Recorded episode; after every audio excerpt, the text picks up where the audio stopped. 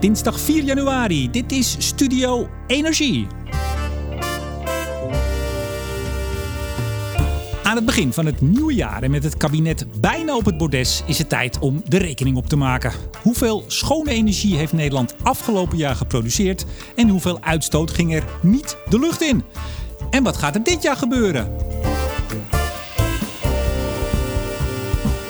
Man met alle antwoorden is lector energietransitie aan de Hans Hogeschool, manager strategie bij GasUnie. Maar wij kennen hem als de ongekroonde cijferkoning van de Nederlandse energietransitie. Ik heb het natuurlijk over vriend van de show, Martin Visser. Welkom, uh, majesteit. nou, laat dat maar zitten. Dank, maar dankjewel. Voor het eerst tegenover elkaar. Toch een aantal keren al te gast. Vriend van de show, een echte vriend van de show. Maar voor het eerst nu een levende lijf. Ja, waar zitten we? Ja, we zitten in Zuid-Laren. Ja. Mijn woonplaats. Nou, toch voor de majesteit een, een buitengewoon bescheiden optrekje. Ja, Drenthe, noemden ze het vroeger. Hè? Voor oudere mensen is Drenthe toch wel een hele fijne provincie om te wonen. Ja, en we hebben een heerlijk autoritje gehad. Uiteraard helemaal veilig vanaf Assen. Dus door het mooie ja. Zitten we nu in Groningen of in Drenthe? Nee, we zitten in Drenthe en we zijn door het Drentse aangebied gereden. Een nieuw jaar, een nieuw kabinet, als het goed is. Uh, maar ook, Martien, vijf nieuwe vrienden van de show. Ja, vijf bedrijfsvrienden van de show. Uh, eh, 236 particuliere vrienden. Jij bent er één van. Jij was een van de eerste, hè? Ja, ja, zeker. Ik, het is een prachtig, prachtige show, dus Studio Energie. nou, dat is ook waard om te steunen. Zo, jij, jij krijgt zelf 5 euro. Dat is ook weer geregeld. Um, nou, ik heb uh, voor, de, voor de oudjaar, voor de nieuwjaarswisseling, hoe, hoe noem je dat? Ja, volgens het jaar ik ga helemaal mis, Martin. Voor de jaarwisseling heb ik een korte podcast online gezet met uh, de vijf bedrijfsvrienden. Waarom die überhaupt uh, er zijn. En dat ze geen enkele invloed hebben is toch wel belangrijk. Beste luisteraars, luister even als je dat niet gedaan hebt. Dan weet je precies uh, waarom ze het zijn. Maar wie zijn het? Ik noem ze even natuurlijk. Eneco, Neptune Energy, Team Energie van Ploem Advocaten Notarissen. Bekende naam. Net als Netbeheerder Steding en de Koninklijke Femway. Goed, hebben we dat gehad? Wat gaan we doen? Ja, we gaan eens terugkijken en vooruitkijken, zoals je al zei. En ook een beetje naar de stand van zaken van wat gebeurt er nu om ons heen. Ja, en we gaan het hebben ook over natuurlijk de achtergronden. Want die getallen, ja, die, die zien de, de volgers, jouw fans, die zien dat uh, iedere dag met meerdere grafieken van de dag. Ga, heb je wel eens gedacht om het grafiek van het uur te gaan noemen? Want af en toe zijn het er zoveel.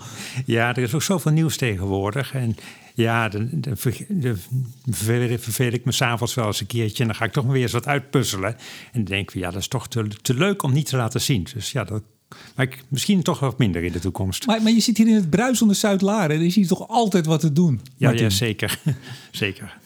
Goed, en je hebt al een paar keer aangekondigd dat er een. Uh, ja, je gaat iets bekendmaken. Je gaat uh, voor het eerst bekendmaken hoeveel het nou echt geworden is. Een primeur. Ja, je weet inmiddels ook wel hoe dat werkt in de media. Hè? Dat je, ja, dat... gun ik de boer een primeurtje. En dan, uh, ja. ja, ja, nee, we hebben twee primeuren vandaag. Uh, de primeur, tenminste mijn beste inschatting van hoeveel hernieuwbare energie hadden wij vorig jaar. En hoeveel CO2 is er de lucht ingegaan. Of zoals je al zei, niet de lucht ingegaan. Nou, laten we gewoon met de eerste meteen beginnen. Hernieuwbare energie. Ik moet er even bij zeggen, uh, vlak ook weer voor de jaarwisseling kwam uh, het klimaatakkoord. Energieopwek.nl ben je ook bij betrokken. Daar kwam, die kwam al met een, een percentage, maar het echte percentage, dat komt nu. Ik, uh, ik monteer straks wel een tromroffeltje. Zeg ja, het maar. mijn beste schatting is dat het 12,8% geworden is vorig jaar. En dat is een uh, stevige verbetering, want het jaar daarvoor was het 11,5 procent. En het jaar daarvoor, 2020, zaten we natuurlijk dik in de lockdown. Dus toen gebruikten we ook veel minder energie. Ja. Dus eigenlijk is het nog sneller gestegen. Dus we zijn van uh, eh, 8,8 het jaar daarvoor volgens mij naar 11,1. Ja, 11,5. Oh, sorry, 11, ja, pardon. Dat zei je, ja. En nu 12,8? Ja, 12,8 procent. En zit daar nog een marsje op? Want ik kan me niet voorstellen dat jij... Ja. Kijk, jij weet alles, dat, dat weten de luisteraars. Maar zelfs jij moet wel een klein slagje op de arm houden. Ja, ik moet zeker een slag om de arm houden. En ja, dat heeft eigenlijk uh, met name de, de lockdown de laatste twee maanden geweest. Uh, de gas en elektriciteit, dat wordt wel vrij goed bijgehouden. Hè? Dat gaat ook kabels en buisleidingen en daar staan metertjes op. Maar dat geldt niet voor de oliesector. En wij gebruiken enorm veel olie. En ik moet dus een inschatting maken van hoeveel olie wij hebben gebruikt in november en december. Voor auto's, voor vliegverkeer, vrachtverkeer. Want dat is de noemer uiteindelijk om het percentage hernieuwbare energie te bepalen. Ja. Maar ik, ik heb wel gezien dat mijn modellen daarvoor redelijk aan, aan adequaat zijn. Dus 12,8 staat voorlopig nog eventjes. Kijk eens aan. Ehm, ja, en hoe, hebben we dat gehaald? Wie hebben goed gescoord, wie hebben slecht gescoord? Nou, met name zon en wind hebben goed gescoord. Het uh, windpark Borselen, dat is in 2020 weliswaar gereed gekomen. Wij twee windparken Borselen. Maar dat telt dit jaar voor het eerst, afgelopen jaar telt het voor het eerst volledig mee. En daarnaast zijn er zowel in 2020 als 2021 enorm veel windturbines bijgeplaatst op land. Uh, in 2020 die geplaatst zijn, ja, die telden maar helemaal mee nu voor het eerst in 2021. En ook dit jaar, dat ziet u ook wel als u wat doet, net Nederland reist. Er zijn er heel wat windturbines bijgekomen. Oh, je praat nu tegen de luisteraars rechtstreeks. Heel ja, goed. Ja, ja precies. en, ehm, maar die hebben het, maar even, wind op land is uitgebreid, maar hebben totaal minder geproduceerd dan het jaar ervoor. Want er was minder wind. Ja, klopt. Dat klopt. Het is, uh, er was echt veel minder wind. 2020 was een heel goed windjaar. 2021 was een heel slecht windjaar. Uh, maar door de uitbreiding is toch ongeveer de wind op land constant gebleven. Ja. Wat ook al een prestatie is in dit geval. Zeker. Ja, en tenslotte, ja, ons nationale trots, zonne-energie. Kijk eens aan. had ooit gedacht aan Nederland van Nederland. We zijn nu nummer twee in de wereld qua hoeveelheid zonne-energie per inwoner. Ja, Alleen precies. Australië wint nog. Per inwoner, hè? Per dat is inwoner. heel belangrijk. Ja, we kunnen natuurlijk nooit tegen grote landen als China of uh, de Verenigde Staten op. Maar dan hebben we het over productie of hebben we het over uh, opgesteld vermogen? We hebben het nu over productie per inwoner en ook opgesteld vermogen per inwoner. Tweede van de wereld. Tweede van de wereld, ja. Maar, maar Martien, ik begrijp altijd dat wij zo slecht zijn. Wij zijn, heel, we zijn het slechtste jongetje van Europa. Wij kunnen er helemaal niks van. Ja, dat klopt. Wij zijn ook slecht in Europa, maar daar hangt vanaf hoe je de statistieken beoordeelt. In Nederland gebruikt relatief heel weinig biomassa. Uh, nog steeds relatief heel weinig biomassa. Andere landen zoals Zweden of Denemarken, Oost-Europa gebruiken enorm veel biomassa. En ja, als je die meetelt als volledig hernieuwbaar, ja, dan zijn wij nog steeds een van de laagst scorende landen in Europa. Nou, wat, wat, wat vind je ervan? Want ik zie dat vaak, uh, dat soort uh, teksten over dat we zo slecht zijn, hoe zeg ik dat netjes, aan de wat groenere kant van het spectrum. Maar inderdaad, dan moet je dus accepteren, althans als je mee wil lopen met de anderen, dat je veel meer biomassa. Nou, dat wil men over het algemeen ook niet. Hoe kijk je daar naar, naar die tweets en dat soort uh, oprispingen? Hoe kijk je daarnaar? Ja, ik uh, wat gemengde gevoelens eerlijk gezegd. Want enerzijds zou je kunnen zeggen, als je achteraan loopt, dan moet je extra je best doen om vooraan te gaan lopen. Maar anderzijds, ja, iedereen wil bij een winnaar horen. Dus mijn gevoel is, mij zou het in ieder geval veel meer stimuleren om te zeggen: jongens, we zijn tweede in de wereld, laten we proberen eerste te worden. In plaats van we lopen achteraan en nou ja, wat we ook doen. We hebben best veel gedaan de afgelopen jaren. Uh, we blijven achteraan lopen. Want ja. ja. Maar, maar even, ik uh, kan me nog herinneren, volgens mij recent had jij weer een, uh, dat doe je vaker, een, um, een, een, statistiek waarbij het even alleen om zon en wind gaat, of in ieder geval zonder biomassa en waterkracht. En als je die eruit haalt, waterkracht hebben wij, nou ja, 0,04 procent of zo, uh, bijna niks. Dan zitten we alweer in de middenmoot. Ik geloof plek 12. Ja, dat is als je kijkt naar afzet tegen het energieverbruik in Nederland. We hebben vrij veel zware industrie in Nederland. Uh, ja, omdat we nu eenmaal, uh, ja, aan de, aan de delta, liggen, de delta liggen van de Rijn. Hè, dus dat, dat komt dan zo uit. Uh, dat noemden we ja, vroeger een zijn we motor. Martien, dat noemden we vroeger een succes. Wij zijn, wij zijn een, een fijne vestigingsplek. Waren, ja. wij, waren wij voor industrie. Veel gas. En een goede plek uh, uh, hier uh, met, met diepe zeehavens en, en verbindingen met het achterland. Ja, klopt. En, en daardoor is het logisch ook dat, dat er in Nederland relatief veel industrie is. In West-Nederland zou je kunnen zeggen, hè, als je hier in Drenthe kijkt, is daar weer een stuk minder. Dus wat dat betreft scoort Drenthe alweer een stuk beter dan uh, Noord- en Zuid-Holland. Ja, maar ga je iets noordelijker naar Groningen, dan kom je wel weer wat tegen. Ja, dat is een beetje sneu voor de Groningers altijd. Hè. Als je kijkt naar hun hernieuwbare percentage energie. Ja, als je dat met of zonder Delfzijl en Eemshaven neemt, daar zit een behoorlijk verschil tussen. Volgens mij in Drenthe, Emmen, Emmen valt wel onder het, uh, het cluster, het industriecluster Groningen, geloof ik. Ja, Emmen misschien toch ja, een beetje Overijssel, zullen we maar zeggen. Oh ja, ik, ik kom hier niet zo... Nou ja, even, ik kom hier wel wat vaker, want met Jillis zit ik hier in de buurt en met jou ook. De, de, de echte mannen die weten hoe het zit, ja, die wonen hier. Dat is eigenlijk ook wel een, uh, mijn, mijn tussenconclusie. ja, wie weet. Ja. hey, maar um, waar zaten we? Oh ja, nee, als je dus corrigeert, uh, nou, zonder wind doen we het best goed. En sterker nog, als we ons vergelijken met uh, de UK, Groot-Brittannië, um, als we afgelopen jaar even kijken, en we hebben het over elektriciteit, laten we daar naar overstappen. Klopt het nou dat wij het zelfs iets beter gedaan hebben? Ja, we zijn zelfs iets beter geworden dan de, de, de Engelsen qua hernieuwbare elektriciteit. En ook dat laat zien de, de enorme opmars die we eigenlijk de afgelopen jaren hebben meegemaakt. Uh, van uh, ja, met name zon en wind zijn dat, om hernieuwbare elektriciteit te produceren. Dus veel van die discussies ook van, goh, we lopen achter en andere landen doen het beter, die zijn ook gestoeld eigenlijk op uh, ja, statistieken van enkele jaren geleden. In 2016, ik heb het nog even nagekeken, had Engeland twee keer zoveel hernieuwbare elektriciteit als Nederland.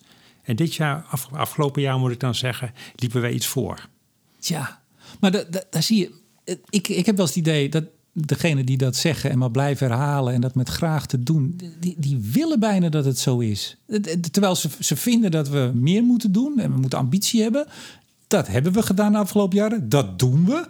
Nou, we gaan straks naar uh, het aankomend jaar gaan we het hebben. Zon, noem maar op, tweede in de wereld. Maar het lijkt wel of mensen het fijn vinden om maar te blijven roepen dat het zo slecht gaat. Ja, misschien moet je eens een keer de podcast halen, Remco. Dan kijk, kun je het echt vragen. Nou, ik, ik heb wel eens dat soort mensen, maar wie, wie, weet wat er gaat komen. hey, hernieuwbare elektriciteit. Welk percentage zijn we uitgekomen? Ja, ik bereken 34 procent. En dat is, een, en dat is dan uh, de echte hernieuwbare elektriciteit. In de formele statistieken wordt er dan nog met normalisaties gewerkt, maar dat doe ik even niet. Oh, en wat maakt dat uit? Nou, afgelopen jaar uh, wel wat. Want het, het, zoals ik al vertelde, het waaide relatief weinig. En normalisatie zegt dat je uit moet gaan van de gemiddelde wind. En eigenlijk van de gemiddelde vollast, aantal vollasturen. En normaal gesproken loop je dan altijd achter. Want men kijkt dan naar dat gemiddelde van de lopen, afgelopen vijf jaar. En het aantal vollasturen, omdat we steeds grotere molens plaatsen en ook steeds meer op zee, want wind en land telt dan samen. Mm -hmm. uh, het gemiddelde aantal vollasturen van de laatste vijf jaar wordt aangenomen. Dus, maar dit jaar, uh, afgelopen jaar moet ik alweer zeggen, uh, was er zo weinig wind dat we daardoor nog een terawattuur hernieuwbare elektriciteit bijna gratis krijgen. En dat scheelt nog een procentje. We het nieuwe jaar al zo heerlijk. Tweede in de wereld, gratis terawattuur. Het vliegt ons om de oren. Heerlijk. Hey, even zonde waren we net natuurlijk al. Opgesteld vermogen, waar staan we? Het is een duizelingwekkend getal. Ja, het is, we komen in de buurt van de 14.000 megawatt opgesteld vermogen aan zonne-energie. En dat is ongeveer de gemiddelde elektriciteitsvraag in Nederland. Ja, en dat is ook nog eens. Ik heb dit gewoon uit jouw tweet hoor, beste luisteraars. Dit heb ik niet, dit heb ik niet zelf uh, berekend of, of gekeken. Wij hebben nu aan opgesteld vermogen evenveel als alle landen in het Midden-Oosten en Noord-Afrika samen. Ja, dat is eigenlijk, eigenlijk een schande. Hè? Maar dan niet voor ons, maar voor die landen. Want ja, daar schijnt natuurlijk de zon veel meer dan, dan hier. En je ziet daar behoorlijk nog wat te winnen is om ook in die landen flink te investeren, of die landen flink te laten investeren in zonne-energie. Ze zijn er wel mee bezig. Je ziet er wel wat projecten, maar relatief nog heel weinig ten opzichte van de enorme spurt die we hier in Nederland hebben doorgemaakt. Maar het, het, is, het is natuurlijk wel uh, ja, grappig, zou je bijna zeggen. misschien zeggen die landen wel van, nou, wat, wat doen die gasten nou? Die, dat levert bijna niks op, dat, dat zon. Maar, ja. Waarom doen die dat? Ja, dat klopt. Want ja, elke paneel levert daar toch 2, 2,5 keer meer op als hier in Nederland. Maar ook hier alweer meer dan, dan Midden-Oosten en Noord-Afrika bij elkaar. Alle landen opgeteld. Ik, ja, ik vind het heerlijk. Daar, daarom zijn mensen ook zo fan van jou, van de grafiek van het uur. oh nee, van de dag. Ik, ja, ja, ik moet zeggen, vaak zoek ik wel dingen uit die ik eerst van tevoren bedenk. En dan blijkt het te kloppen of niet. In dit geval was ik zelf ook zeer verbaasd. Ja, biomassa, kunnen we daar nog iets over zeggen? Hoe, hoe, hoe, verschuift daar de, misschien de samenstelling of de hoeveelheid? Ja, eh, de, de grote groei zit in, natuurlijk in het bijstoken van biomassa in kolencentrales. En daarnaast wordt ook heel veel biomassa tegenwoordig bijgemengd in, uh, bij benzine en diesel. He, dat telt ook mee. Bij elkaar, als ik uit mijn hoofd even, 1,5, 1,6 procent van die 12,5 procent. Dus dat is meer dan 10 procent van het totaal. En ja, biomassa wordt uh, volop 12,8 gebruikt. 12,8 Martien. 12,8 hè? 12,8. Ja, sorry. 12,8. Ja, ja, ja, ja, ja, zeker. Bedankt, zeg ik al. En uh, daarna werd biomassa gebruikt ja, bij bedrijven en uh, voor uh, ja, het warm houden van de warmtenetten. Hm. En dat is de derde grote bron van, of uh, de benutting van biomassa in Nederland. Ja. Zijn we er nog één vergeten nu? Nee. Ja, er zijn een heleboel manieren van biomassa. Hè. Het, is, het is heel lastig. Je moet zeker niet over één kam te scheren. Hè, je hebt biogas, je hebt uh, de houtblokjes thuis in de open haard. Telt vol mee voor de energie. Uh, Kijk even of, of, Visser, of Visser hier een, een open haard heeft. Nee, nee de heer nee. Visser heeft wel een schoorsteen, maar geen open haard. Ah. En ik hoop toch nog dat de gasvoorziening zodanig blijft dat ik hem kan houden. Niet hoef te hebben, laat ik het zo zeggen, de open haard. Je weet het niet, Martin. Je, je weet, weet, het niet. niet. Nee, nee. En de heer Visser heeft ook geen barbecue. En ja, de houtblokjes op de barbecue, ja. houtskoolblokjes, die Tel tellen ook mee. mee als hernieuwbare energie. Dus allemaal aan de barbecue, dames en heren. Maar dan weer geen, mag weer geen vlees op natuurlijk. Zeg je? Mag weer geen vlees op natuurlijk. Hebben we dat weer? Ja, ja, ja mits geïmporteerd misschien. Dan komt de CO2 er- elders vrij. We gaan lekker paprika's barbecuen. Nou goed, anyway. Goed, de uitstoot. De uitstoot, ja, Ja. Dat, dat was een hele spannende. Ik heb ook gedurende het jaar wat grafiekjes laten zien. En ja, hoe gaat het dan met zo'n spreadsheet? Je typt alles in en aan het eind, vloep, daar komt dan een getalletje uit. En het is wederom too close to call. Eh, om heel exact te zijn, komt er uit mijn spreadsheet op dit moment dat wij 24,8% lager zitten dan in 1990. Maar dat is zo, zo dicht bij de 25% die we wilden bereiken. We, nou, dat zullen we voorlopig nog niet weten of we het hebben bereikt. En misschien zullen we het wel nooit weten. Want eh, ja, begin dit jaar, of begin vorig jaar moet ik weer zeggen, heeft CBS nog de cijfers van 1990 bijgesteld. Dus wie zegt mij dat ze in 2050 niet de cijfers van 2021 gaan bijstellen? Oh, hier, hier hoor ik een beetje een, bijna een zo wat sombere, licht cynische ondertoon, of niet? Nee, ik denk dat het eh, hernieuwbare energie berekenen is al een hele ingewikkelde klus. Om, door alle regeltjes die uit Brussel zijn afgevaardigd, hoe je dat moet doen. Zodat landen niet ieder zijn eigen methode hebben. En dat is voor CO2 nog wel lastiger. Maar goed, jij bent de rekenmeester. Sterker nog, jij bent de ongekroonde cijferkoning van de Nederlandse energietransitie. Dan weet jij ook, ja, op een gegeven moment heb je afspraken, eh, rekenafspraken. En daar hou je aan en dan komt een getal uit. En dat het later wordt bijgesteld, zwa. Ja, Ik bedoel, het nee. getal is het getal. Nee, dat klopt. En er gaat er ook niet meer of minder CO2 de lucht in. Maar uiteindelijk, omdat de rechter keihard heeft gezegd 25% en daarmee heeft eh, gebruik gemaakt van de bestaande methodiek, ja, moet je die methodiek zo goed mogelijk toepassen. En ja, die 24,8 dat kan best ergens plus of min een half procentje zijn. En misschien nog zelfs nog wel een grotere fout. Want ook hier heb ik weer te maken met het effect van de lockdown in november en december, wat ik ook heb moeten inschatten. Ja, want heb, je, heb jij dan contact met de, de bedrijven, de, de, de kunstmestproducenten, de aluminiumfabrieken? Heb je daar contact mee in hoeverre zij eh, hun productie hebben teruggebracht? Nee, ik heb er geen contact mee. Ik heb wel eens wat eh, contacten met mensen, dus ik hoor wel eens wat. Eh, maar bijvoorbeeld aluminium, ja, dat gaat via de elektriciteitssector. En ja, er zijn wel gegevens bekend van hoeveel elektriciteit eh, door de kabels van Nederland stroomt. Dat klopt niet helemaal met de waarheid, maar daar heb ik dan wel weer aanpassingen voor die in het verleden in ieder geval hun waarde hebben bewezen. Het klopt niet. Het klo- Wacht even. Dat Dit- was dit- even de klok. Dat is een klok. Het klopt niet met de waarheid of het klopt niet met jouw model. Wie, wie, wie? Wat is de waarheid? Ja, dat, dat weten we ook niet precies. hè. Kijk, ja, ook op dit huis hangen zo- zonnepanelen. En een deel van die stroom, die gebruik ik zelf. Ja, er is geen mens weet, die weet hoeveel dat is. Ik zelf zou dat kunnen nagaan, maar ik kijk er niet naar. En zo gaat er heel veel in Nederland, heel veel elektriciteit... die zelfopwekkers eh, gebruiken. En dat zijn niet alleen de zonnepanelen... maar dat is in Nederland met name ook de warmtekrachtkoppelingen. En dat maakt het heel lastig in een land als Nederland om te schatten van hoeveel elektriciteit er precies wordt gebruikt. Ja. La- laten we nog even voor misschien toch ook eh, luisteraars die niet zo bij zijn met dat Urgenda-fonds, die 25 hè, dat was een fonds van de rechter, waarvan we dachten, nou dat gaan we never nooit halen. Vanaf 2020 moesten we minimaal, minimaal 25% minder uitstoten dan in 1990. Dat hebben we toen gehaald. Waar kwamen we op uit vorig jaar? Dus Ja. in 2020? Ja, de laatste bijstelling van het eh, CBS was dat op 25,4% kwamen. Ja, dat was best, best wel een heel verhaal. Want de eerste schatting, vlak voor de verkiezingen, was 24,5 procent. hadden we het net niet gehaald. En eh, een half jaar later, dus na de verkiezingen, werd er vastgesteld dat we het toch wel gehaald hadden, 25,4 procent. Ja, en wat mij toen opviel, eh, in lijn met wat ik net eigenlijk al zei, dat ik mensen zag te twitteren en in kranten die bijna teleurgesteld waren dat we het gehaald hadden. En Want we moesten toch echt niet denken dat we goed bezig waren. Het was allemaal met toeval en, en, en geluk, namelijk, ja, geluk bij een ongeluk, corona. Ja, ja, ja, we hebben toch een soort bias. Ik weet niet of dat het puur Nederlands is.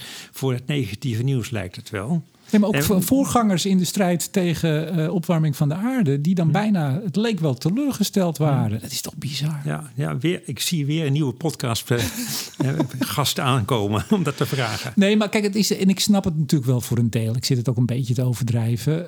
Kijk, we hadden eenmalige factoren. De emissieautoriteit heeft het ook gezegd, maar het was niet, het was veel minder corona gerelateerd dan gedacht, hè, dacht ik. Maar dat had ik al vrij snel door. Eigenlijk hebben we verleden jaar volop doorgeproduceerd volop doorgeconsumeerd. Hè. We kijken ja. met name wat we allemaal zelf hebben gedaan. En het grootste effect voor de CO2-emissie was dat we onze auto hebben laten staan. Precies, ja. En eh, als je dat nou allemaal doorrekent, dan scheelt het ongeveer 2% eh, van die 25 procent. Dus dat is 2 procent absoluut. Uh, dat we baat hadden, zeg maar, bij de, door de lockdowns. Uh, waardoor we het wel net hebben gehaald. ja, sorry, absoluut. Je bedoelt 2 procent punt. Anders waren we op 23 punt, ja, zoveel uitgekomen. Ja, anders waren we op 23 Ja, en in die zin is de sceptisch natuurlijk wel, wel op zijn plek. Hè? Als, als we wel gewoon waren blijven doen als corona er niet was geweest... dan hadden we het niet gehaald. Ja, klopt. En ja, we hadden ook een warme winter verleden jaar. Dus het zat allemaal wel net mee verleden jaar dat we het net hebben gehaald. Maar volgens mij hadden wij uh, afgelopen juli, vorige juli, hadden wij een podcast, of juni. Hè? Toen deden we ook al een grafiek uh, uh, van het jaar. Ik, heb er ik ben er wel op aangesproken hoor. Hoe kan je nou twee keer per jaar een grafiek van het jaar doen? Ja, dat kunnen wij gewoon. dat, dat doen wij gewoon, want we kijken een jaar terug en een jaar naar voren, beste luisteraars. Maar volgens mij zeiden we toen, jij, jij voorop natuurlijk, en dan, dan praat ik jou na. Uh, nou, 2021 gaan we echt niet redden. Nee, dat had ik ook niet verwacht, eerlijk gezegd. Maar ik moest zeggen, het, het voorjaar hadden we een koud voorjaar. Hè, daardoor produceerde Nederland bijna 4 megaton CO2 extra. Hè, onze cv-keteltjes thuis. En ja, en dat moet je maar weer zien in te halen. Maar het najaar hebben we toch behoorlijke stappen gezet. En bijna elke maand zaten we onder het niveau van 2020. Waardoor we uiteindelijk heel dicht in de buurt van de 25% zijn geëindigd. En of het er net boven of net beneden is, ja, dat, dat kan ik niet echt vaststellen op dit moment. Nee. Nou ja, en ik begreep uh, Marja van Urgenda, die is nou, redelijk positief over de plannen van het uh, aanstaande kabinet. Die zegt, nou, als dit allemaal echt uh, wordt wat het lijkt te gaan worden, hoef ik niet meer naar de rechter. Nou, misschien dat we inderdaad niet meer naar de rechter hoeven. Nee, nou ja, kijk, als je een beetje bekijkt van waarom zijn we nu toch nog vrij goed geëindigd. Ja, dat is toch ook met name de groei ook van hernieuwbare energie geweest, wat we ook al eerder noemden. Ja, dat stoot geen CO2 uit. Uh, ja, weliswaar hebben we veel meer koleninzet gehad. Hè. Dat was een flinke tegenvaller. Maar ja, dat was noodzakelijk omdat uh, we geen aardgas hadden. Om het maar even zwart-wit te zeggen. Hoe kan dat nou, Martin? Jij werkt bij GasUnie. Jij bent daar van de strategie. Hoe kan dat nou? Jullie moeten zorgen voor dat gas. Kom op. GasUnie, dat is een buis. Ja, dat is mijn tweede werkgever. Maar die kijkt naar de buizen. En die stelt vast dat er voldoende buizen zijn. en als er geen gas is, ja, dan zijn er voldoende buizen. Dus dan is dat klusje gedaan. Nou, jij had daar van de week, vorige, nee, twee weken geleden nog een tweet over over. Je zegt, uh, jij, zei, jij zegt dan altijd zo netjes, ja, ik zie berichten in de media of zo. Dan heeft iemand iets gezegd, maar dat zeg je niet wie. Dat is allemaal netjes van je. Uh, van dat de, de Europese organisatie al zegt, nee, er is, er is genoeg. Maar daar bedoelen ze mee, die, die, die, buizen is op orde. Maar dat wil nog niet zeggen dat er voldoende gas beschikbaar is om door de buizen te transporteren. Nee, dat is een enorm misverstand. Wat ik uh, meerdere mensen heb zien maken. er is een Europese organisatie van gasnetbeheerders. Eh, de NSO-G. Je hebt ook de NSO-E, dat is van elektriciteit. De NSO-G is van gas.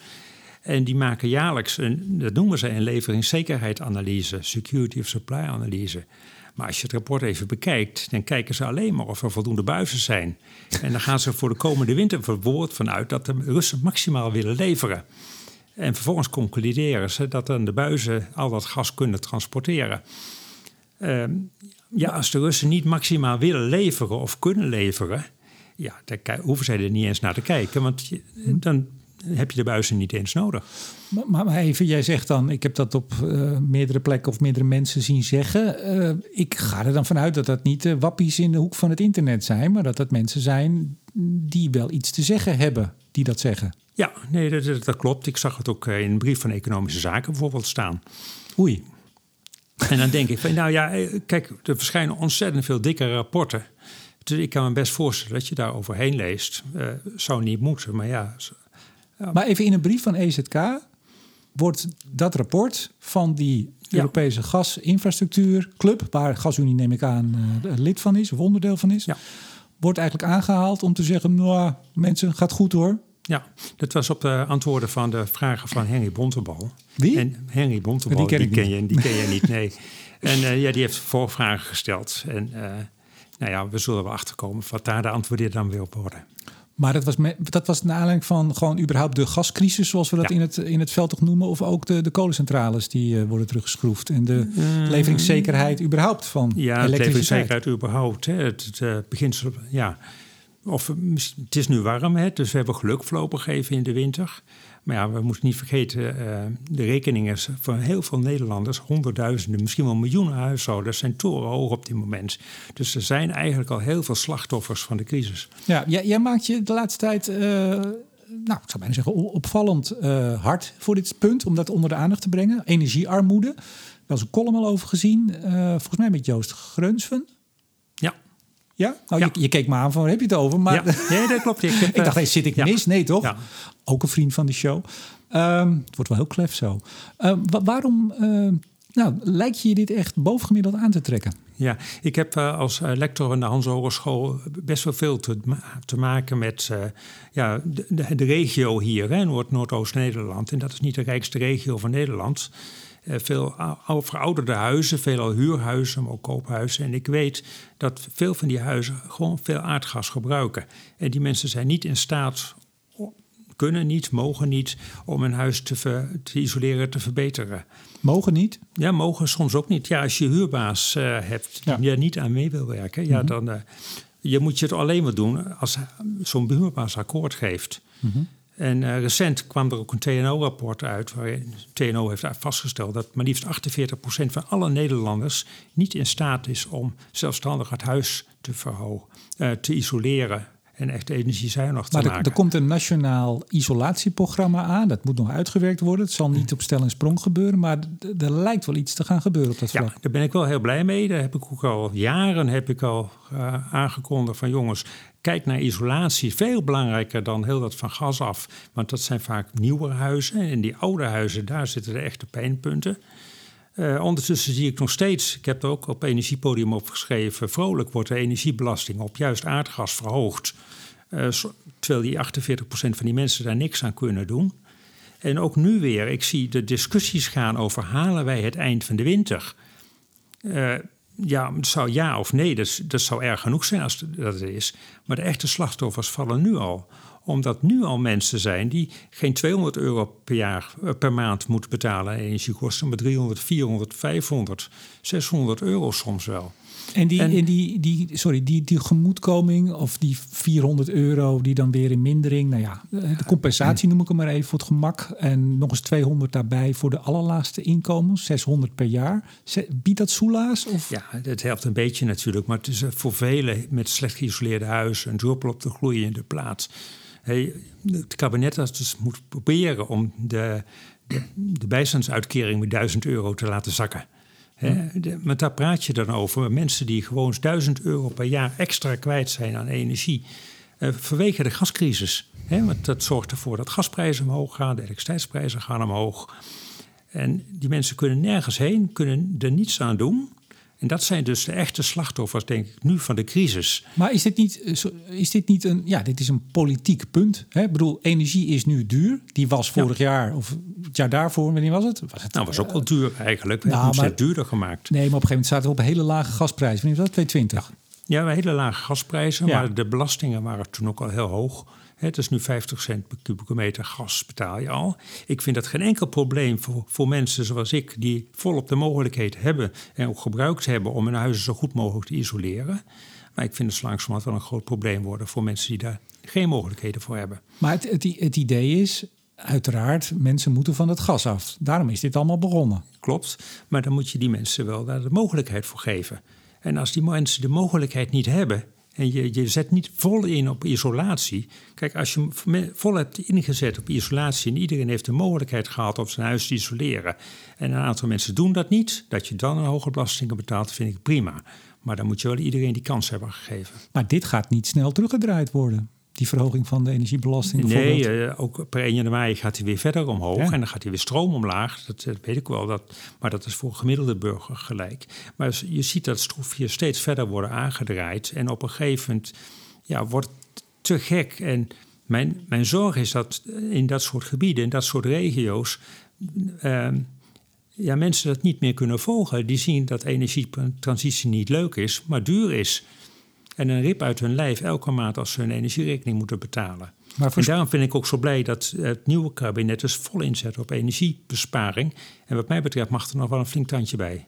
Nou, we gaan het afwachten als uh, nou, hopelijk volgende week uh, het, het, kabinet op het bordes staat. Onze nieuwe uh, minister van Klimaat en Energie, Rob Jetten. Ja. Dat is denk ik toch de man die dit moet gaan doen dan, hè? Onder, onder aanvoering van zijn minister weer daarboven. Ach, het, is een, het wordt een heel circus. Ja, ja misschien moet het heet nu het minister van Economische Zaken en Klimaat. Ik heb wel eens het denken, misschien moeten we een minister van betrouwbare, betaalbare en schone energievoorziening gaan noemen. Oh jee. Ja, maar, maar twee van die pijlers van die drie, die hebben we veronachtzaamd. Dus vandaar natuurlijk. Ik, ik heb jouw Scrooge uh, podcast goed geluisterd, maar misschien is het een idee. Oké, goed zo. Hey, we gaan zo naar 2022 natuurlijk. Maar nog even één ding uh, waar, jij ook, uh, waar wij ook een podcast over gedaan hebben vorig jaar. Ik ben af en toe een beetje met die jaren in de war. Jij ook, hè? Maar ja. goed, de 35 terawattuur. De opwek op land. Hoe staat het daarmee? Ja, dat gaat prima. Hè? Dat is... Uh, wind heeft wat tegenslag hè, door de rechterlijke uitspraak van de, van de Hoge Raad. Maar dat, veel van die projecten zullen toch uiteindelijk wel doorgaan, denk ik. En dat betekent dus dat er uh, inclusief uh, wat nu als subsidie heeft gekregen... en dus ook een, een, vergunning van de gemeente heeft gekregen... dat we ruim boven de 35 terawattuur gaan uitkomen. ja, daarnaast zijn de resten inmiddels ingediend... En die tellen op tot 50 terawattuur. Dus die 35 terawattuur, dat is een uh, in de pocket. En dat is toch een prestatie, want het klimaatakkoord is nog maar een paar jaar oud.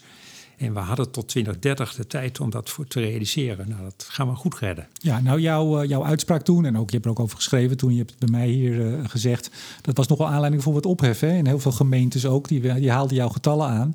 En dat werd soms gebruikt, slash misbruikt, om te zeggen, nou dan hoeven we nou ook niks meer te doen. Dat is natuurlijk niet het geval. Nee, dat heb jij ook nooit gezegd. Dat heb ik ook nooit gezegd. En mijn oorspronkelijke tweet was eigenlijk bedoeld om een succes aan te geven. Ja, zo zie je maar, een getalletje kan altijd op twee manieren worden maar gebruikt daar houden we niet van in Nederland succes. Het is altijd slecht. Onthoud dat nou.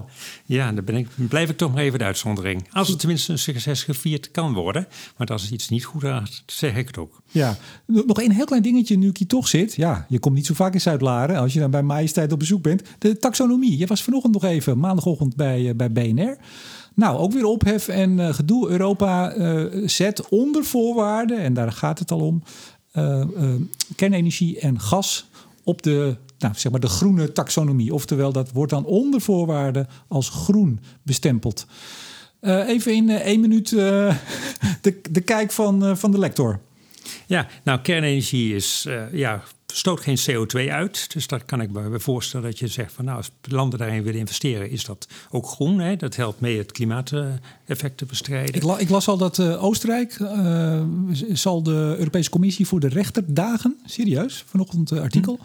voor de rechterdagen als het inderdaad in de taxonomie terechtkomt, kernenergie. Oké, nou ik ben benieuwd. Dus ik, ja, rechters, dat kan ik niet beoordelen vaak wat die zeggen. aardgas is wel even belangrijk om te, goed erbij de kleine lettertjes te lezen. Want het gaat dan alleen over aardgascentrales die uh, minder dan 100 gram CO2 over de hele keten uitstoten. En dat betekent aardgascentrales uh, inclusief CCS, dus CO2 opvang en af, afvang en opslag. Ofwel uh, installaties die 270 gram per kilowattuur uitstoten, maar daar hangt een hele rits aan voorwaarden aan vast, waarbij de moed je eigenlijk wel in de, in de schoenen zakt. Het is, het is wel onder zeer beperkende voorwaarden dat aardgas uh, nog uh, groen mag worden ge, genoemd. Uh, ja, ik, ik, kan me heel goed voorstellen dat de, dat EU zoekt naar bredere mogelijkheden om investeringen in CO2-vrije energie aan te wakkeren. ik heb even gekeken voor de aardigheid. Het Fit for 55 pakket. Als je dat volledig zou uitvoeren, hè, dan moeten we nog maar zien dat het volledig door de alle uh, gremia komt. Maar als je het volledig zou uitvoeren, dan zijn we in 2030 op, zitten we op 15% zon en wind van onze energievraag. Dan moeten we nog 85% doen. Dus er is volop ruimte en volop noodzaak tot ook andere vormen van CO2-vrije uh, energie. En waar zit Nederland dan? Uh, Nederland, uh, zon en wind, inclusief het 10 gigawatt pakket wind op zee, zitten we ongeveer op 18% denk ik, in 2030, zon en wind. Doen we het weer beter zelfs dan het Europees gemiddelde? Ja, maar we hebben dan ook relatief veel zeeoppervlak. En dat vergeten mensen wel eens. Ga maar onder onze zijdeburen. De Belgen hebben helemaal geen zeeoppervlak. Dus die kunnen helemaal niet veel met wind op zee. Terwijl die ook weinig windmolens op eigen land willen. En zee, ja, en zon is wel fijn. Uh, maar alleen in de zomer. En je moet ook iets in de winter. Dus vanuit Nederland is het wel eens makkelijk reageren op, uh, op zeggen andere landen moeten het net zo doen als wij. Ja, dat lukt gewoon niet. Heel veel zee hebben wij en dus ook nog ondiepe zee, zodat je makkelijk windturbines kunt plaatsen. Ja, maar dus even voor de luisteraars die uh, weer hier negatief iets van willen maken, moeten we het even goed herhalen. dus, dus Nederland heeft in 2030, als we de 10 gig extra wind op zee bijzetten, maar er komt misschien nog wel meer, maar dat, ja, dat is eigenlijk wel bijna een zekerheidje, toch? Ja, ja. Dan zitten we op 18% aandeel zon en wind. En Europa, Europa gemiddeld, als het hele Fit for 55 pakket erdoor komt, 15%. Ja, dus waarschijnlijk wordt het wel iets lager. En daar raken we bij die 18% ook nog vanuit dat die 10 gigawatt er niet in 2030 al staat, maar in 2031. En we hebben het nu even over 2030. Dus zit maar een deel, zit dat in het pakket. Dan komt nog een flinke stap het jaar erop bij. Ongelooflijk. Nou, ik zei het al, de, Oostenrijk die wil, want het was uh, vandaag maandag. Ik zat in de trein natuurlijk uh, hier naartoe, dus uh, gerust kunnen lezen. Er was, er was, van alles. De, de Poolse premier die had vanochtend een opiniestuk dat het ETS hervormd moet worden. Want er zit er veel speculatie in en dat is allemaal hm. slecht. Nou, er zit op zich nog wel een punt in. Tsjechië is boos op Duitsland. Ja. het, is echt vanochtend één, één, uh, één chaos, zou ik bijna zeggen. Uh, over de, de sluiting van de kerncentrales. Het is natuurlijk een buurland en die willen zelf op kernenergie inzetten. Ja. Het is af en toe echt één grote chaos. Maar daar gaat de cijferkoning niet over. De cijferkoning gaat over de cijfers. Goed, dat was even de, de taxonomie. Oh ja, ik zag ook alweer GroenLinks, uh, Tom van der Lee. Wat een capitulatie en kortzichtigheid noemde hij de, het mogelijke uh, opnemen van gas en kernenergie in de taxonomie. Is dat zo? Is dat uh, capitulatie? Ja, uiteindelijk, ik heb er bij BNL gezegd, uiteindelijk gaat het erom van hoe snel wil je van je CO2-emissies af. Ja, als je zegt van ik heb daar nog wel even de tijd voor, ja, dan kun je best wachten op zon en wind tot het verder uitbreidt. Maar heel veel sneller uitbreiden dan wat nu wordt voorzien, zal ook niet lukken. Nederland zit nu op 5% zon en wind. En kijk eens wat de problemen wij hebben, al hebben bij het inpassen daarvan. Eh, in de netwerkproblemen, maar mhm. ook op een gegeven moment, nou ook vannacht waren er weer negatieve stroomprijzen. Gewoon een teken dat er te veel in dit geval windenergie werd geproduceerd. Dus het is niet zo makkelijk om heel snel naar zon en wind te gaan. En als we dan wel heel snel van onze CO2 af willen, ja, dan moet je toch wat, wat zaken gaan verzinnen. En ja, ik zelf denk van, nou laat die gas- en kerncentrales dan draaien naar 2050. En als we dan rond 2050 CO2-vrij zijn en we denken we hebben ze niet meer nodig, we bouwen toch liever verder aan zon en wind, dan gaan we dat wel doen. Maar dan zijn we in ieder geval het CO2-probleem weer kwijt. Heel goed. 2022. Ik ga weer een tromroffeltje ergens vandaan zien te, zien te halen. Want uh, jij doet hier ook de, ja, noem je het de voorspelling, schatting, raming? Nou, zeg het maar. Ja, zeg maar een onderbouwde schatting. Een onderbouwde schatting voor het uh, percentage hernieuwbare energie eind 2022. Zegt u het maar. Ja, nou een, een, deel kan ik natuurlijk wel gewoon berekenen. Want eh, wat er afgelopen jaar geplaatst is, stelt afgelopen jaar maar voor een deel mee. En dat dit jaar, het hele jaar. Uh, voor een ander deel is het natuurlijk nog, ja, moet er nog wat gebeuren. Maar er, er wordt al druk gebouwd. Hè. Neem het, uh, de Hollandse kust, grote windpark van Vattenfall, het grootste ter wereld, 1500 megawatt. Nou, ik verwacht dat dat op halverwege dit jaar dat de eerste molens gaan produceren. Mm -hmm. Nou, als je dat allemaal meeneemt, je gaat ervan uit dat zon, zon doorgaat, uh, wind, er wordt toch wel weer wat geplaatst dit jaar. Want je maakt het wel spannend. Je maakt het wel spannend, Martin. Dan kom ik ongeveer op 14,5 procent, maar het zou nog iets hoger kunnen zijn. 14,5 procent en misschien iets hoger. Ja. Ja, maar dan heb ik meteen de volgende vraag natuurlijk. Want dit klinkt prachtig. Uh, we zaten dus op 8,8 in 2019. Ja. Dus dan gaan we van 8,8 in 2019 naar 14,5 in uh, eh, 2022. Nou, me dunkt. Maar in 2023 zouden wij nog steeds volgens dat energieakkoord uit 2013 op 16% moeten zitten. Ja. Kunt u al een doorkijkje geven? Ja, dat gaan we, gaan we vrij makkelijk halen, denk Oh, ik. Dat ja? is, eh, ja, ja. Want eh, dan hebben we inmiddels ons volledige eh eh, Vattenfallpark. Hè? Die 1500 megawatt is er klaar. Zon gaat door. Dus dan, ben je er eigenlijk al bijna. Dus eh, nee, dat gaan we zeker halen, die 16 procent. Nou, wat heerlijk. Wat, wat allemaal goed nieuws. Het zonnetje schijnt hier ook een beetje in Zuid-Laren. Het brengt Ja, net door. precies, ja. Ja, klopt. Ja, en dan natuurlijk eh, de uitstoot. De CO2, ja, ik denk dat we dit jaar vrij makkelijk eigenlijk die 25% lager gaan halen. Eh, zon en wind groeien door. Als, allebei, als je dat babytje door je oogharen doorkijkt, scheelt dat 1 megaton. Eh, de kolencentrales eh, die mogen minder produceren. Eh, dat scheelt ook ongeveer 1 megaton. En nou ja, ook de, de, pak, even dat grote park. hè, dat scheelt ook gauw dit jaar al 0,3 megaton, heb ik uitgerekend. Dus dan kom je op nou, een beetje biomassa erbij. En dan kom je op 3,5 megaton extra daling van de CO2-emissie. Nou, dat is bijna 2 procent eh, eh, ten opzichte van 1990. Nou, dit jaar komen we op, bijna op 25 procent. Zouden we volgend jaar bijna op... Of dit, vorig jaar zaten we bijna op 25 procent. Dus dan zou je dit jaar bijna op 27 procent komen. Maar dit gaat nog steeds om dat jij ook weet hoeveel energie wij... Oh nee, sorry, dat is hernieuwbaar. Pardon, nu, nu, nu ben ik aan buis. Ik wou zeggen over, nou ja, nog even over hernieuwbaar. Dan moet je dus ook weten hoeveel energie we totaal gebruiken. Ja, en ik ga ervan uit dat we dit jaar wel weer min of meer normaal gaan, gaan leven. Oké, oké. Nou ja, en dat heeft natuurlijk ook wel weer met uitstoot te maken. Als fabrieken stil liggen of eh, vol gaan produceren, dat maakt nogal uit. Ja, zeker. Dat maakt zeker uit. En ja, wat we nu zien ook, en dat is ook een beetje een geluk, gelukje zou ik kunnen zeggen geweest afgelopen jaar, is dat ook een aantal bedrijven hun productie hebben stilgelegd. Ja, dat betekent dat er minder elektriciteit en gas wordt gebruikt en dus ook minder CO2 wordt uitgestoten. Uh, in de schatting voor dit jaar ga ik er toch ook vanuit dat we, nou, dat we heel huids de winter doorkomen. Hè, dat we dat toch maar hopen met elkaar. En dat we niet absurd hoge gasprijzen zullen zien. Waardoor ook de industrie gewoon zal produceren. Ja, dus, maar, maar eigenlijk hebben we dus hier een bijzonder fenomeen. Dat als nou maar de energieprijs helemaal de pan uitstijgt, dan schakelen fabrieken af en ja. dan doen we het goed in de uitstoot. Ja. Alle, ne alle, negatieve effecten laten we dan maar even buiten beschouwing. Minder productie, werkgelegenheid door het putje. Maakt, dan, dan halen we het. Dan haal je het in Nederland. Maar ja, we blijven de spullen wel gebruiken. We blijven aluminium, staal enzovoort kunstmest gebruiken. Kunstmest wordt nu uit, uh, onder andere uit Rusland geïmporteerd, heb ik begrepen. Dus het is wel weer bijzonder. Als je het zelf niet produceert met gas, dan produceert Rusland het wel met gas voor je. Uh, maar je ziet dan dus dat de CO2-emissie in zekere zin uh, ja, over de grens uh, verdwijnt. Dus voor het klimaat is dat niet direct goed, maar het is wel goed voor onze CO2-emissie in Nederland. Ja. Ik, ik gniffel dan een beetje als jij dit zo zegt en jij gniffelt dan ook een beetje en we kijken elkaar aan. Maar jij, jij komt ook veel in Den Haag. Bemerk jij nou wel eens bij ministeries of bij bewindspersonen of dit hele wereldje daaromheen dat men ook waar wij zeg ik maar, omgniffelen bijna. En dat is een boer met kiespijn, althans in mijn geval.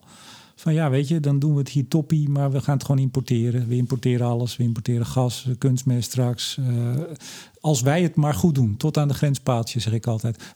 Bemerk jij nou in Den Haag dat men dat ook wel ziet? Of, of ja, en ziet men het en even denkt men nou, laat maar zitten. Ja, ik, ik, ik heb er pas een column geschreven, over geschreven op Energiepodium. Ik geloof niet dat ik ooit zoveel support heb gehad. Ja. Hè, om daar, daar toch veel meer rekening mee te gaan houden met het integrale plaatje in plaats van het pure uh, Nederlands achter de dijken plaatje. Dus men weet het wel breed in de maatschappij, maar ook bij de ministeries. Hè, de ambtenaren zijn zeker niet gek. Nee. Maar we hebben ons met elkaar, uh, denk ik, in een positie gemanoeuvreerd. Ook een politieke positie waar wij, ons dwingen heel erg naar Nederland zelf te kijken. En door het Urgenda-fonds natuurlijk. Uh, de rechter is daarin meegegaan met die maatschappelijke uh, zienswijze, ja. waarbij we heel strikt naar Nederland hebben gekeken. En dat geldt ook een beetje voor de CO2-emissie dit jaar. Uh, ja, het zou best kunnen zijn. Duitsland heeft zijn kerncentrale, een flink aantal kerncentrales gesloten zo recent. Uh, dat Nederland daardoor veel meer stroom gaat exporteren naar Duitsland. Ja, vervolgens stelt de CO2-emissie in Nederland mee. En dat zou nog wel eens een flinke kink in de kabel kunnen betekenen. Ik verwacht niet zodanig dat we daardoor onze 25% reductie niet halen. Maar het kan wel een, een significant invloed hebben. Ik, ik had het niet verwacht dat we een agenda gingen halen. Tot nou ja, een jaar geleden, twee jaar geleden. Ik dacht, dat gaat nooit lukken, heb ik ook wel eens gezegd. Never nooit. Ja, uiteindelijk, kijk, uh, hernieuwbaar groeit behoorlijk toch wel in Nederland. En dat betekent geen minder CO2. Dus er is een structurele daling van de CO2-emissie in Nederland al sinds, pak een beetje 2017, toen hernieuwbaar flink ging groeien. En ja, daar zie je wel wat rimpelingen op. Hè, met koude winter, warme winter, corona of geen corona. Maar die structurele daling blijft. Die zien we ook volgend jaar. Of zien we, sorry, ik blijf me vergissen. Zien we ook dit jaar weer. Uh, en dus uiteindelijk kom je wel op die 25 procent. Ja. Nee, maar ook, ook in, in analyses van PBL en andere Ehm, het, het, leek, het leek nooit gehaald te gaan worden. In die zin heeft corona net even dat setje gegeven voor het eerste jaar. Anders hadden we dat dus echt niet gehaald. Hè? 23 misschien. Ja. En dan hadden we echt een probleem. Hm. Ehm, ja, bijzonder. Nou ja, het, het, het, het, maakt ook wel weer nederig, vind ik, bij dit soort dingen hoe je soms het, ja, hoe je het soms gewoon, ja, behalve jij natuurlijk, jij weet alles. Maar hoe je het, hm. hoe je, hoe je het soms gewoon echt niet weet en niet kunt inschatten en het ook maar moet overlaten aan, ja, aan, aan toeval en, en bijzondere omstandigheden. Ja, het, het laat gewoon zien. Je moet goed kijken naar de lange termijn, de lange lijn van goh, ga ik de goede kant op en eh, niet te veel uh, kijken of je iets een tiende erboven zit of een tiende er beneden zit. Ja, als de richting maar goed is. Heel goed. Nou, dat gaan wij ook doen. Althans, wij gaan het zo mooi feitelijk en, en, en uh, op, op kennisnuance. En uh, ja, in feite gaan wij iets eh, doen in mei dit jaar, hè? In Diligentia, Martin. Ja, ik ben heel benieuwd, ja. ja, ik ook. Nou ja, we gaan het samen doen. Althans, met nog veel meer mensen eromheen. Maar jij hebt uh, toegezegd om mijn co-host te worden tijdens, ehm, ik heb het maar genoemd inderdaad, een hartstochtelijke ode aan feiten, kennis en nuance. De grote Diligentia Show in mei dit jaar. Ja, ik vind het toch wel een beetje spannend eerlijk gezegd. Ik ben niet zo iemand die op, die, op zo'n podium gaat staan. Dus dat is een, uh, ja, toch wel wat nieuwe ervaring voor mij. Nou, ik ben van plan om, uh, om eigenhandig een, een troon te timmeren. Dus zodat je ook, iets, hoger, zodat je ook iets hoger komt te zitten. Als jij dan met een mooie, mooie hermelijnen mantel, kroon op en dan kom jij op. En dan laat ik die hele zaal voor jou buigen ook. Ja? als, je nou, dat, als je dat maar laat. Goed zo, dat is geregeld dus. Um, nou, we gaan, we gaan kijken. Ik heb er in ieder geval heel veel zin in. Um, nou, mede door eh, de bedrijfsvrienden van de show is ook de financiering is allemaal eh, geregeld. Dus dat is mooi. Dit gaat echt door. Um, datum, nou, dat ga ik nog niet allemaal bekendmaken, want misschien wordt het toch wel net een andere. Maar mei wordt het in ieder geval. Um, ja, uh, rond 1 juli maar weer een grafiek van het jaar doen, denk ik, hè? Lijkt me een goed plan. Dan weten we inmiddels een stuk meer van 2022. Goed zo. Uh, heb jij nog dingen op je, op je hart? Dat je zegt, nou ja, je bent er nu toch in Zuid-Laren. Ik, uh, ik, ik, heb nog iets te melden nu. Nee, voor mij heb je oude goede vragen weer gesteld. nou, dan zeg ik dank, Martin Visser. Dankjewel. Ja. En uiteraard, nou kijk, de klok gaat. En uiteraard bedank ik ook jullie beste luisteraars. En in het bijzonder beste vrienden van de show.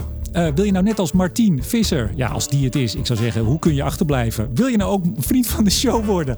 Ga dan naar vriendvandeshow.nl, zoek even Studio Energie op en druk op de knop Word vriend.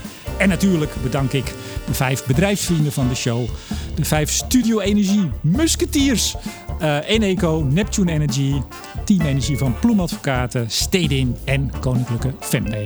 Mijn naam is Remco de Boer. Graag tot de volgende keer.